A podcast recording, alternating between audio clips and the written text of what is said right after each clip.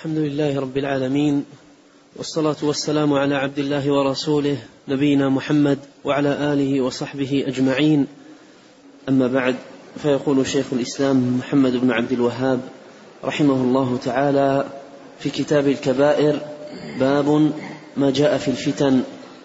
وقول الله تعالى واتقوا فتنة لا تصيبن الذين ظلموا منكم خاصة الآية. وقوله هو القادر على أن يبعث عليكم عذابا من فوقكم أو من تحت أرجلكم أو يلبسكم شيعا. الآية. بسم الله الرحمن الرحيم. الحمد لله رب العالمين وأشهد أن لا إله إلا الله وحده لا شريك له وأشهد أن محمدا عبده ورسوله صلى الله وسلم عليه وعلى آله وأصحابه أجمعين. اللهم علمنا ما ينفعنا وانفعنا بما علمتنا وزدنا علما وأصلح لنا شأننا كله. ولا تكلنا إلى أنفسنا طرفة عين. اللهم إنا نسألك علما نافعا ورزقا طيبا وعملا متقبلا. أما بعد قال المصنف رحمه الله تعالى باب ما جاء في الفتن. هذه الترجمة عقدها رحمه الله تعالى في التحذير من الفتن وبيان سوء مغبتها لمن استشرف لها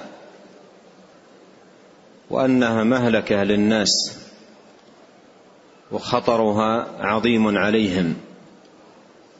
جنبنا والمسلمين أينما كانوا الفتن ما ظهر منها وما بطن وأعادنا والمسلمين منها. وأن الواجب على المسلم اتقاء الفتن لا الاستشراف لها والاستعاذة بالله تبارك وتعالى منها لأن خطرها على الناس عظيم. وفيها هلاك للناس لأن الفتن إذا وقعت تعطلت المصالح الدينية والدنيوية. وحصلت التعديات ووجد الظلم ولم يأمن الناس لا على النفس ولا على المال ولا على العرض. إلى غير ذلك من الأخطار العظيمة ولهذا ينبغي على المسلم دائما أن يكون كثير الاستعاذة بالله تبارك وتعالى من الفتن. وشرع لنا دبر كل صلاة قبل أن نسلم أن نتعوذ بالله سبحانه وتعالى من الفتن عامة وخاصة. قال رحمه الله باب ما جاء في الفتن. قال وقول الله تعالى واتقوا فتنة لا تصيبن الذين ظلموا منكم خاصة. بدأ رحمه الله تعالى بهذه الآية الكريمة لأن فيها تبيانا لخطورة الفتن العظيمة وأن الفتنة عندما تقع تكون مضرتها على الناس عظيمة. وشررها ومضرتها تتناول الظالم وغيره. كما قال سبحانه وتعالى لا تصيبن الذين ظلموا منكم خاصة بل تصيب الظالم وغيره فتراق دماء يهلك أناس لكن يبعثون على نياتهم وعلى أعمالهم. أما الفتنة فإنها تأكل كما يقال الأخضر واليابس الصالح والطالح. فخطرها على الأمة خطر عظيم. قال وقوله تعالى قل هو القادر على أن يبعث عليكم عذابا من فوقكم أو من تحت أرجلكم أو يلبسكم شيعا أو يلبسكم شيعا. وهذا هو موضع الشاهد من إيراد هذه الآية. أو يلبسكم شيعا ويذيق بعضكم بأس بعض. يلبسكم أي يخلطكم. اللبس هو الخلط. شيعا أي فرقا. وهذه هي الفتن. ثم يترتب على ذلك ما جاء بعده ويذيق بعضكم بأس بعض أي القتل ورفع السيف وإراقة الدماء وأن يكون بأس المسلمين بينهم. وهذا أمر يتعوذ بالله سبحانه وتعالى منه لا يتصدر له ويستشرف له بل المسلم يتعوذ بالله تبارك وتعالى من ذلك. وكان نبينا عليه الصلاة والسلام لما نزلت هذه الآية يستعيذ بالله. لما قرأ أن يبعث عليكم عذابا من فوقكم قال أعوذ بوجه الله أو من تحت أرجلكم قال أعوذ بوجه الله. فكان عليه الصلاة والسلام يستعيذ بالله تبارك وتعالى. والفتن يستعاذ منها. والنبي صلى الله عليه وسلم أمر بذلك قال تعوذوا بالله من الفتن ما ظهر منها وما بطن. نعم.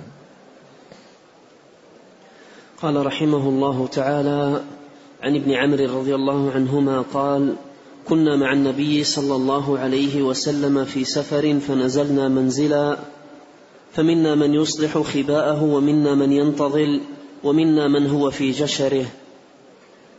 إذ نادى منادي رسول الله صلى الله عليه وسلم الصلاة جامعة. فاجتمعنا إلى رسول الله صلى الله عليه وسلم فقال إنه لم يكن نبي قبلي إلا كان حقا عليه أن يدل أمته على خير ما يعلمه لهم وينذرهم شر ما يعلمه لهم. وإن أمتكم هذه جعل عافيتها في أولها وسيصيب آخرها بلاء وأمور تنكرونها وتجيء الفتنة فيرقق بعضها بعضا وتجيء الفتنة فيقول فيقول المؤمن هذه مهلكتي ثم تنكشف وتجيء الفتنة فيقول المؤمن هذه هذه فمن أحب أن يزحزح عن النار ويدخل الجنة فلتأته منيته وهو يؤمن بالله واليوم الآخر. ثم أورد رحمه الله تعالى حديث عبد الله بن عمرو بن العاص رضي الله عنهما وهو حديث عظيم في بيان خطورة الفتن وبيان ما تتقى به الفتن. فهو عظيم جدا في هذا الباب. قال كنا مع رسول الله صلى الله عليه وسلم في سفر فنزل منزلا فمنا من يصلح خباءه ومنا من ينتظل ومنا من هو في جشره. هذا الذي ذكره رضي الله عنه هو عادة الناس إذا نزلوا منزلا. إذا نزلوا منزلا عادتهم يتفرقون. كل له نوع من المصالح يعمل لأجله. فمنهم من يصلح خباءه أي يصلح مكانه ويهيئه للنوم وللراحة. ومنهم من ينتظل والانتظال من المناضلة والترامي بالسهام. وهذا نوع من التدريب والتمرن على القتال. ومن ومنهم قال من هو في جشره. منهم من هو في جشره. أي مع ماشيته يطلب لها المرعى المناسب الذي ترعى منه وتبيت فيه. وهذه عادة الناس إذا نزلوا منزلا تجد كل واحد منهم في مصلحة معينة أو في عمل معين. هو مقصوده من ذلك أننا نزلنا وكل واحد منا تفرق أو ذهب إلى مصلحة ما. كل اشتغل بمصلحة من المصالح. إذ نادى مناد إذ نادى مناد وهذا النداء احتيج إليه لهذا الأمر الذي ذكره وهو أنهم تفرقوا كل في جهة وكل في مصلحة معينة إذ نادى منادي رسول الله صلى الله عليه وسلم الصلاة جامعة بنصب الصلاة على الإغراء والحث على المجيء والإقبال الصلاة جامعة.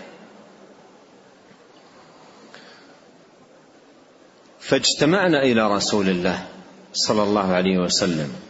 فاجتمعنا إلى رسول الله صلى الله عليه وسلم فقال إنه لم يكن نبي قبلي إلا كان حقا عليه أن يدل أمته على خير ما يعلمه لهم وينذرهم شر ما يعلمه لهم.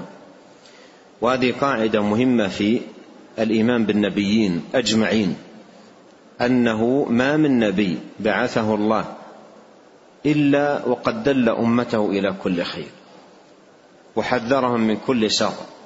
ما من نبي بعثه الله إلا بلغ البلاغ المبين ونصح أمته وأدى الرسالة وبلغ الأمانة وأقام الحجة.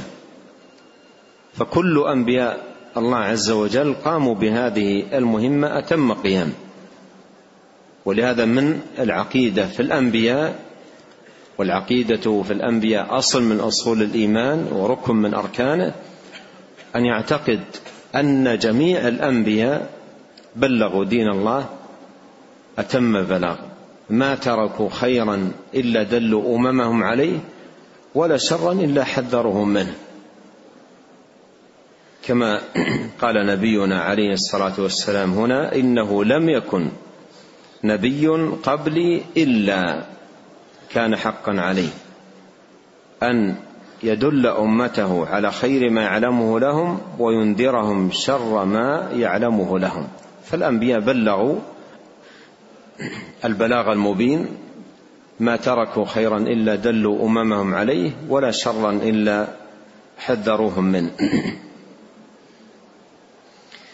قال وإن أمتكم هذه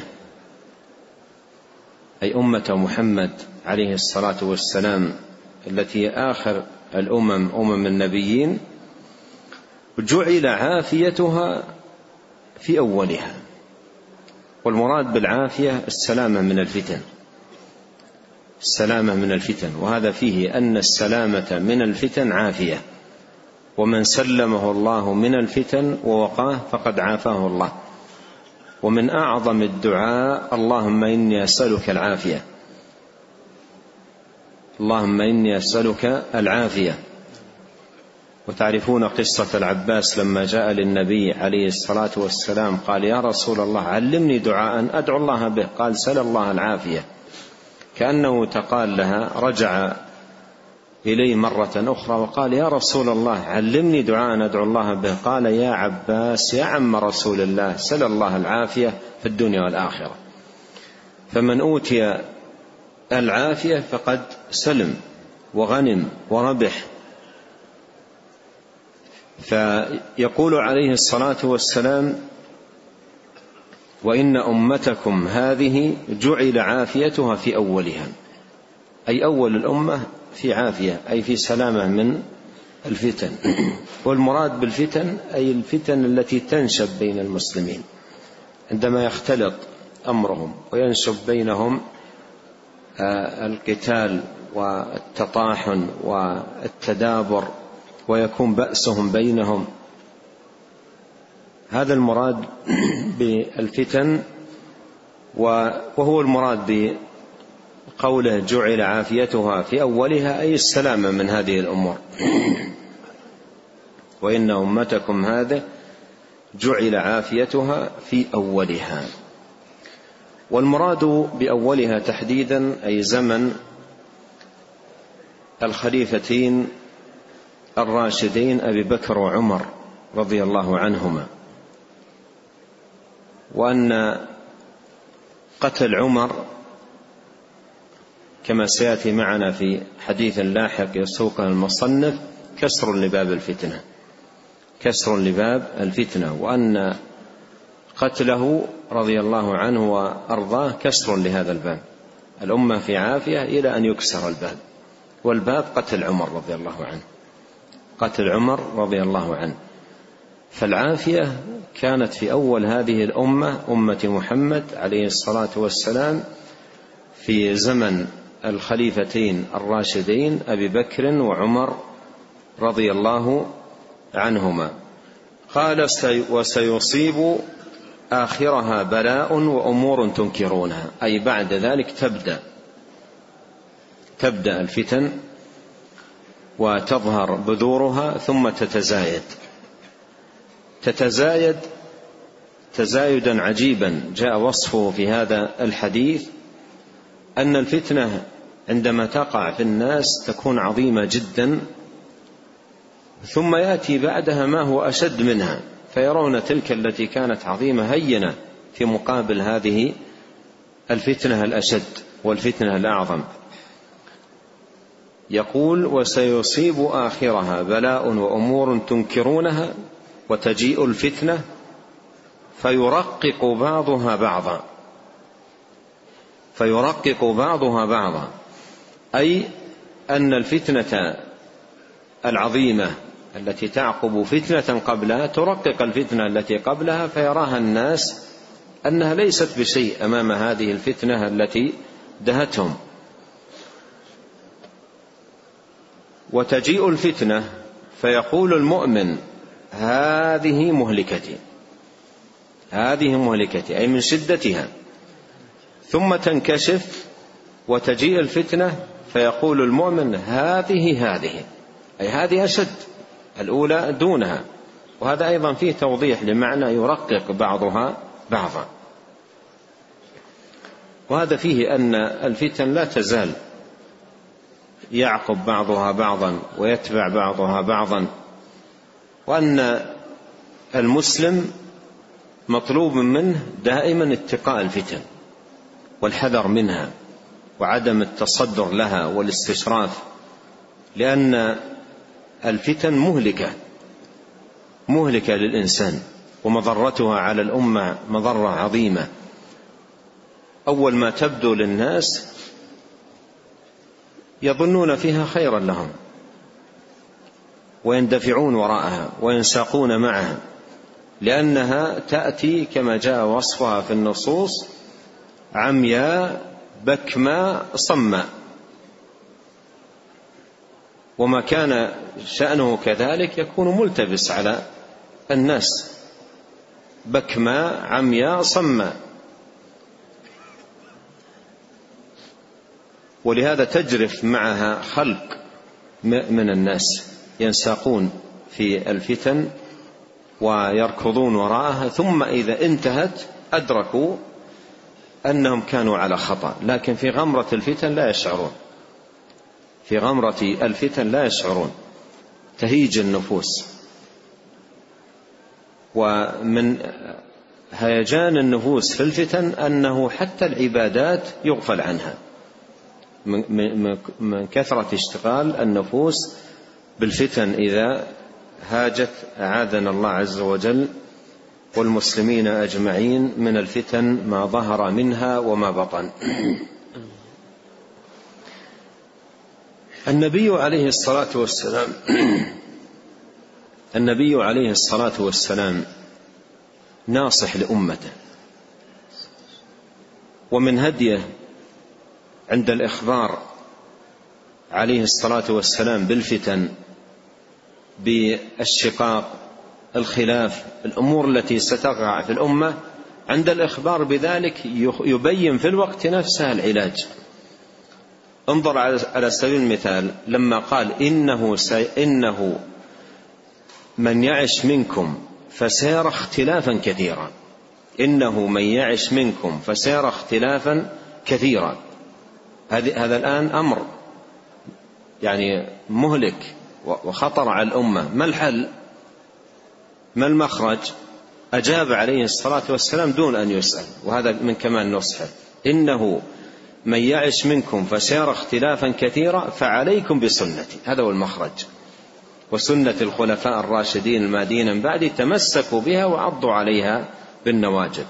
وهنا لما ذكر الفتن صلوات الله وسلامه عليه وبين خطورتها وأنها مهلكة للناس وان بعضها يتبع بعض وبعضها أشد من بعض قال في الإرشاد عليه الصلاة والسلام إلى الخلاص والسلامة من الفتن قال فمن أحب أن يزحزح عن النار ويدخل الجنة فلتأته منيته وهو يؤمن بالله واليوم الآخر وليات للناس الذي يحب أن يؤتى إليه ومن بايع إماما فأعطاه صفقة يده وثمرة قلبه فليطعه إن استطاع فإن جاء آخر ينازعه. فاضربوا عنق الآخر.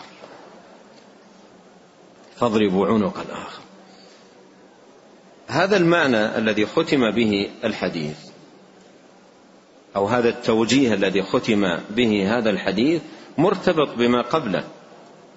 مرتبط بما قبله لأن ما قبله ذكر للفتن وهذا ذكر للمخرج من الفتن. الذي قبله ذكر للفتن وهذا المخرج منها. هذا المخرج من الفتن.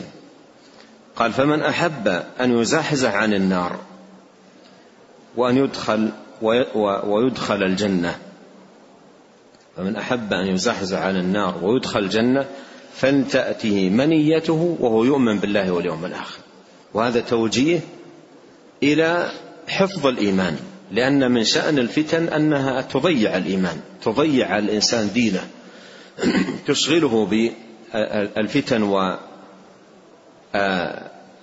جذبها للنفوس وما يترتب عليها من من شرور ومهلكة للناس. فيقول فلتأته منيته أي أجله ومفارقته لهذه الحياة وهو يؤمن بالله واليوم الآخر. تعيد قراءة الحديث. من أول. قال رحمه الله تعالى عن ابن عمرو رضي الله عنهما قال كنا مع النبي صلى الله عليه وسلم في سفر فنزلنا منزلا فمنا من يصلح خباءه ومنا من ينتظل ومنا من هو في جشره. إذ نادى منادي رسول الله صلى الله عليه وسلم الصلاة جامعة.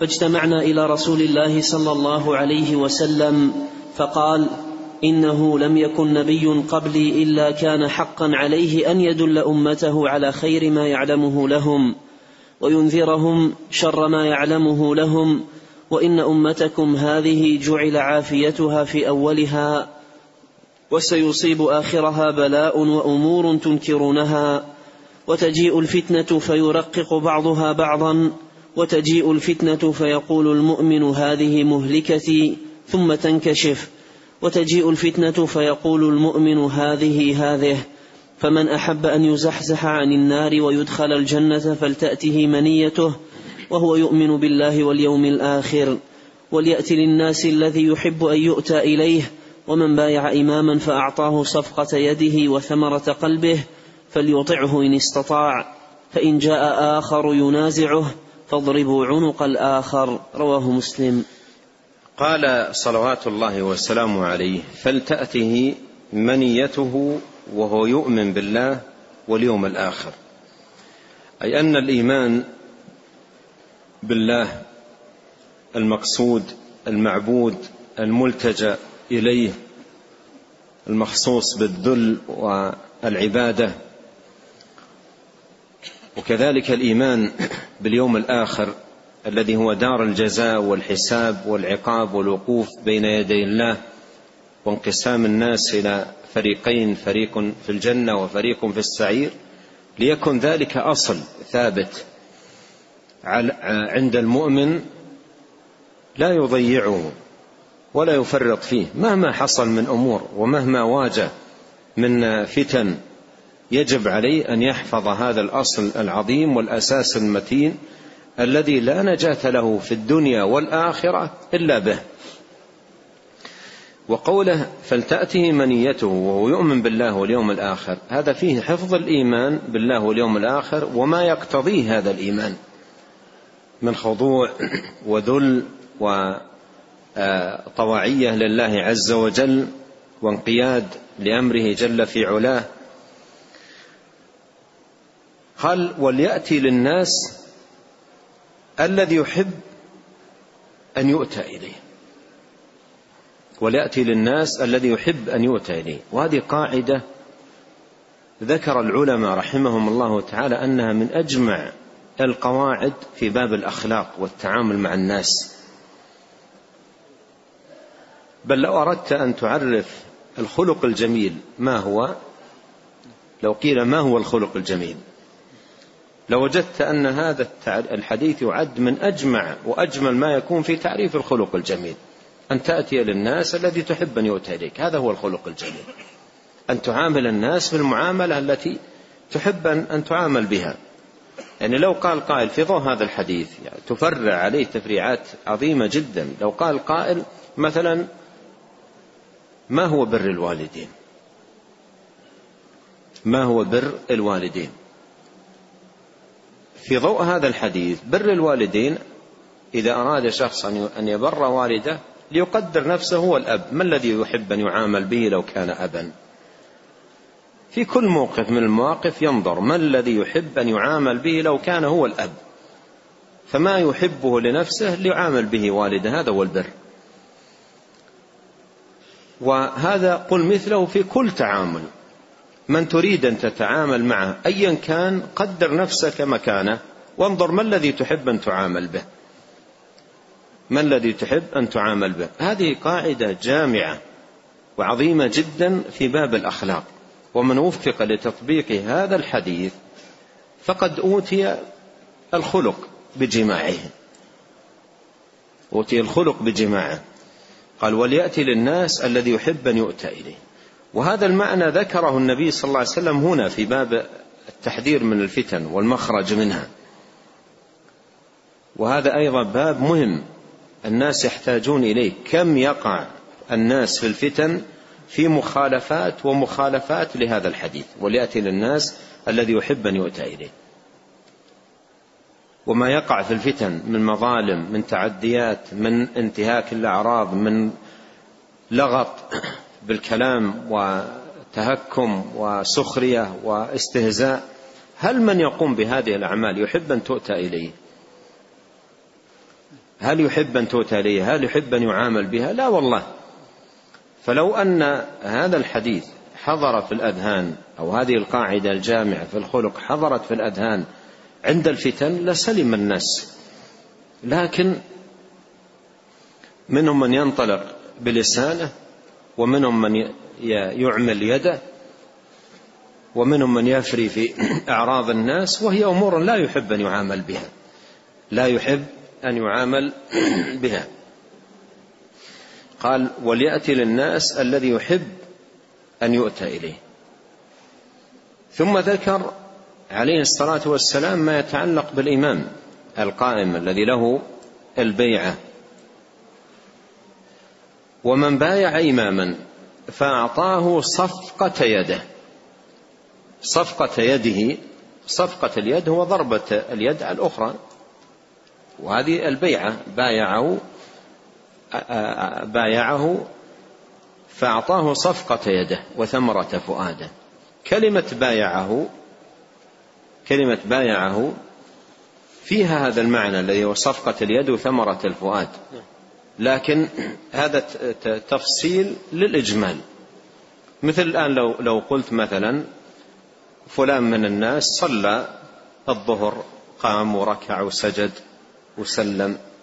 قولك ركع وسجد وسلم هذا تفصيل ل... فبايع إمامه فأعطاه صفقة يده. أعطاه صفقة يده وثمرة قلبه. والتنصيص على صفقة اليد وثمرة القلب. ثمرة القلب تأكيد على أن البيعة وقعت وبايعه. بايعه. فليطعه إن استطاع. فليطعه إن استطاع. وهذا فيه وجوب طاعة ولاة الأمر ما لم يأمروا بمعصية الخالق فيما هو مستطاع للعبد أن يقوم به. تجب لهم الطاعة. ومر معنا قول الله سبحانه يا أيها الذين آمنوا أطيعوا الله وأطيعوا الرسول وأولي الأمر منكم. أما إن أمر بمعصية فلا طاعة له. لأنه لا طاعة لمخلوق في معصية الخالق. فإن جاء آخر ينازعه فإن جاء آخر ينازعه فاضربوا عنق الآخر. لماذا؟ لأن دخول الآخر للمنازعة معنى ذلك وجود الفتنة وحصول الهرج والمرج والقتال بين الناس واختلال الأمن إلى غير ذلك من المفاسد العظيمة. الشاهد أن هذه الكلمات العظيمة ذكرها النبي عليه الصلاة والسلام تبيانا للمخرج من الفتن والسلامة منها. نعم.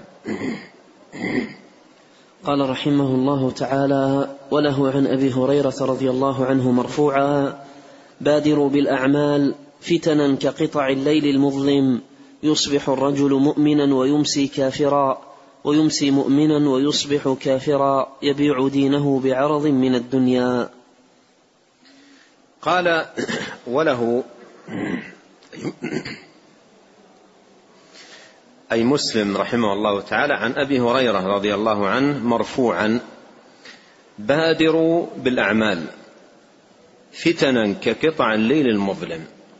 بادروا بالأعمال أي سارعوا سارعوا في الأعمال الصالحة بأنواعها. ما دام الإنسان يعيش في أمن في رخاء في عافية في صحة في سلامة من الفتن ليغنم هذه الفرصة في المبادرة للأعمال والمسارعة إليها. إذا كنت في وقت الأمن تستطيع أن تأتي إلى المسجد بطمأنينة. ولا تخشى في طريقك شيئا. تستطيع أن تحضر حلقة العلم وتستمع وتجلس على الشيخ وتقرأ وتحفظ وتسمع وتذهب إلى معقل العلم لتتعلم. تؤدي أمورك ومصالحك الدينية والدنيوية بارتياح هذه فرصة لك.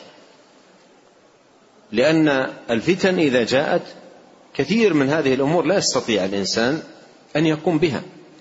وليعتبر الإنسان في الأماكن التي فيها الفتن أو وجدت فيها الفتن. كيف أن أصبح أصبحت هذه المصالح غير متيسر لكثير من الناس القيام بها غير متهيئ له. فالإنسان يحمد الله على العافية ويحرص على اغتنام الفرصة ويبادر الأعمال ويستكثر من الأعمال. بادروا بالأعمال أي سارعوا واستكثروا منها فتنا كقطع الليل المظلم أي قبل أن تقع. فتن وصفها النبي صلى الله عليه وسلم كقطع الليل المظلم. سبحان الله إذا كان الإنسان يمشي في قطعة من الليل مظلمة هل يأمن العثار؟ هل يأمن أن يقع في حفرة؟ هل يأمن أن يقع في شجرة يصطدم بشجرة ذات شوك. هل يأمن سبعا يهجم عليه؟ هل يأمن؟ قطع الليل المظلم يصبح الإنسان لا يأمن في في مساره ولا يأمن في طريقه. إما أن يسقط أو أن يصطدم أو يهاجم أو غير ذلك من الأمور. فوصف عليه الصلاة والسلام الفتنة أن بهذه الصفة كقطع الليل المظلم. كقطع الليل المظلم. لا يغتر الإنسان بواقعه. الفتنة أمرها مختلف. أمر الفتنة مختلف. إذا إذا إذا وجدت الفتنة فهي بهذه الصفة كقطع الليل المظلم. انظر هذا الذي كقطع الليل المظلم كيف تتحول فيه النفوس وتتقلب القلوب عياذا بالله. يصبح الرجل مؤمنا. ويمسي كافرا ويمسي مؤمنا ويصبح كافرا يبيع دينه بعرض من الدنيا يبيع دينه بعرض من الدنيا. وهذا التقلب الذي يقع في كثير من الناس عند نشوب الفتن ووجودها بسبب أن من استشرف للفتن ودخل في غمارها أهلكته وربما استرخص دينه وباعه بثمن بخس من هذه الدنيا. فالحديث فيه نصح من النبي عليه الصلاة والسلام لأمته بالمبادرة إلى الأعمال الصالحة والطاعات الزاكية المقربة إلى الله عز وجل لتكون ردءا للإنسان وحافظا عند وقوع الفتن. نعم. قال رحمه الله تعالى وله عن معقل بن يسار رضي الله عنه مرفوعا العبادة في الهرج كهجرة إلي قال وله أي مسلم رحمه الله عن معقل بن يسار رضي الله عنه مرفوعا أي إلى النبي صلى الله عليه وسلم العبادة في الهرج كهجرة إلي الحديث الذي قبله حديث أبي هريرة العبادة قبل الهرج العبادة قبل الهرج. يعني قبل أن تقع الفتن بادر في العبادة وأقبل عليها واستكثر منها. ومن ومن وفق للعبادة وقت العافية فإن هذا سيكون له معونة بإذن الله سبحانه وتعالى للمحافظة على العبادة وقت الفتنة. وقت الفتنة. ومن كان مضيعا للعبادة في عافيته كيف تقبل عليها نفسه وقت الفتنة؟ وهو في عافيته مفرطا ومضيعا. فالحديث الأول فيه الحث على المبادرة للعبادة قبل أن أن تقع الفتن وأن يستكثر منها العبد حتى تتمرن عليها نفسه ويقبل عليها قلبه وتكون معه حتى في أضيق الأمور. والنفس إذا ألفت العبادة واعتادت عليها حتى في الشدائد ما ما تتخلى عنها. ولهذا علي بن أبي طالب لما ذكر الدعاء الذي علمه الله علمه النبي صلى الله عليه وسلم فاطمة أن تقوله قال خير لك من خادم. تسبحين الله عند النوم ثلاثا وثلاثين وتحمدينه ثلاثا وثلاثين وتكبرينه ثلاثا وثلاثين قال علي فما تركته عندما سمعته من النبي صلى الله عليه وسلم ما تركته ليلة منذ سمعته من النبي صلى الله عليه وسلم. فأحد الحاضرين قال له ولا ليلة صفين؟ قال ولا ليلة صفين. ولا ليلة صفين؟ قال ولا ليلة صفين. فالشاهد أن المبادرة للأعمال قبل وقوع الفتن معونة للإنسان للمحافظة عليها عند وقوع الفتن. وحديث معقل فيه الحث على الإقبال على العبادة وقت الفتن. قال العبادة في الهرج. العبادة في الهرج. والهرج هو الفتن واختلاط أمر الناس وما يترتب على ذلك ذلك من وجود لإراقة الدماء أو نحو ذلك من التعديات. فالهرج هو الفتن اختلاط أمر الناس. وعادة إذا اختلط أمر الناس ومرج تنصرف القلوب عن العبادة. تنصرف القلوب عن العبادة. ولهذا يعني في الأماكن التي يجتمع الناس فيها على الفتن والعياذ بالله تجد حتى الصلوات الخمس يضيعونها. حتى الصلوات الخمس يضيعونها ويفرطون فيها. ومن يصلي منهم الصلاة الخمس يصلي بقلب غافل ليس مقبل على الصلاة وإنما مشغول بالفتنة ومنهمك في الفتنة تجده يصلي وقلبه مع الفتنة ليس مع الله في صلاته وليس مقبلا على الله في صلاته وإنما يتحدث في الفتنة وربما يصلي ولا يدري كم كم صلى ولا يعقل من صلاته شيء لأن القلب أصلا منشغل في الفتنة. فيقول العبادة في الهرج كهجرة إلي. كهجرة إلي أي في الثواب. ما أعظم ثواب؟ من أكرمه الله سبحانه وتعالى بالهجرة إلى النبي عليه الصلاة والسلام. وهذا الذي وفق للعبادة في الهرج ثوابه عند الله سبحانه وتعالى في إقباله على العبادة في الهرج كثواب الهجرة إلى النبي الكريم صلوات الله وسلامه عليه. والموفق من وفقه الله سبحانه وتعالى. ولهذا ينبغي على الإنسان أن يعرف قيمة العبادة وأن أحوج ما يحتاج إليه الإنسان في الفتنة هو عبادة الله مع أن أكثر ما يضيع في الفتنة عبادة الله. أحوج ما يحتاج إليه في الفتنة عبادة الله. وجاء في الصحيح أن النبي صلى الله عليه وسلم قام ليلة قال الله أكبر أو قال سبحان الله ماذا أنزل الله هذه الليلة من الفتن؟ وماذا أنزل الله هذه الليلة من الخزائن؟ من يوقظ صواحب الحجرات يصلين؟ انظر من يوقظ صواحب الحجرات يصلين؟ أي أن الفتن لا بد ان أن يقابلها الإنسان بالعبادة بالصلاة. بالإقبال على الله بالالتجاء إليه بالخضوع والضراعة بين يديه سبحانه وتعالى حتى تجلو ويذهبها الله سبحانه وتعالى وتنكشف. لا أن يبرز لها ويتصدر وينشغل بها عن عبادة الله سبحانه وتعالى. نعم. قال رحمه الله تعالى ولهما عن حذيفة أن عمر قال أيكم يحفظ قول النبي صلى الله عليه وسلم في الفتن؟ فقلت أنا. فقال هات. فإنك عليه لجريء. فقلت سمعته يقول فتنة الرجل في أهله وماله وولده وجاره. تكفرها الصلاة والصيام والصدقة والأمر بالمعروف والنهي عن المنكر. فقال ليس هذا أريد. إنما أريد التي تموج كموج البحر. فقلت ما لك ولها يا أمير المؤمنين؟ إن بينك وبينها بابا مغلقا.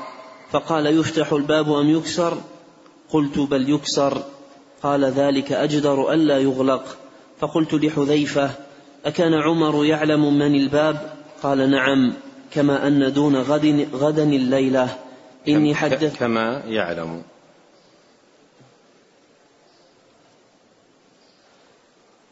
أو كما يعلم أن دون غد دون غد الليلة. فقلت لحذيفة أكان عمر يعلم من الباب؟ قال نعم كما يعلم أن دون غدا الليلة. إني حدثته حديثا ليس بالأغاليط فهبنا أن نسأله من الباب. قلنا لمسروق اسأله.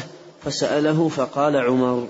نعم يكتفى بهذا القدر وغدا إن شاء الله نتكلم على هذا الحديث. ونسأل الله الكريم أن ينفعنا أجمعين بما علمنا وأن يزيدنا علما وأن يصلح لنا شأننا كله وأن لا يكلنا إلى أنفسنا طرفة عين وأن يهدينا إليه صراطا مستقيما وأن يغفر لنا ولوالدينا ولمشايخنا وللمسلمين والمسلمات والمؤمنين والمؤمنات الأحياء منهم والأموات وأن يعيذنا والمسلمين أينما كانوا من الفتن ما ظهر منها وما بطن وأن يصلح لنا شأننا كله وأن لا يكلنا إلى أنفسنا طرفة عين. اللهم اقسم لنا من خشيتك ما يحول بيننا وبين معاصيك ومن طاعتك ما تبلغنا به جنتك ومن اليقين ما تهون به علينا مصائب الدنيا. اللهم متعنا بأسماعنا وأبصارنا وقوتنا ما أحييتنا واجعله الوارث منا واجعل ثأرنا على من ظلمنا وانصرنا على من عادانا ولا تجعل مصيبتنا في ديننا ولا تجعل الدنيا أكبر همنا ولا مبلغ علمنا ولا تسلط علينا من لا يرحمنا. سبحانك اللهم وبحمدك أشهد أن لا إله إلا أنت أستغفرك وأتوب إليك. اللهم صل وسلم على عبدك ورسولك نبينا محمد وآله وصحبه أجمعين. جزاكم الله خيرا.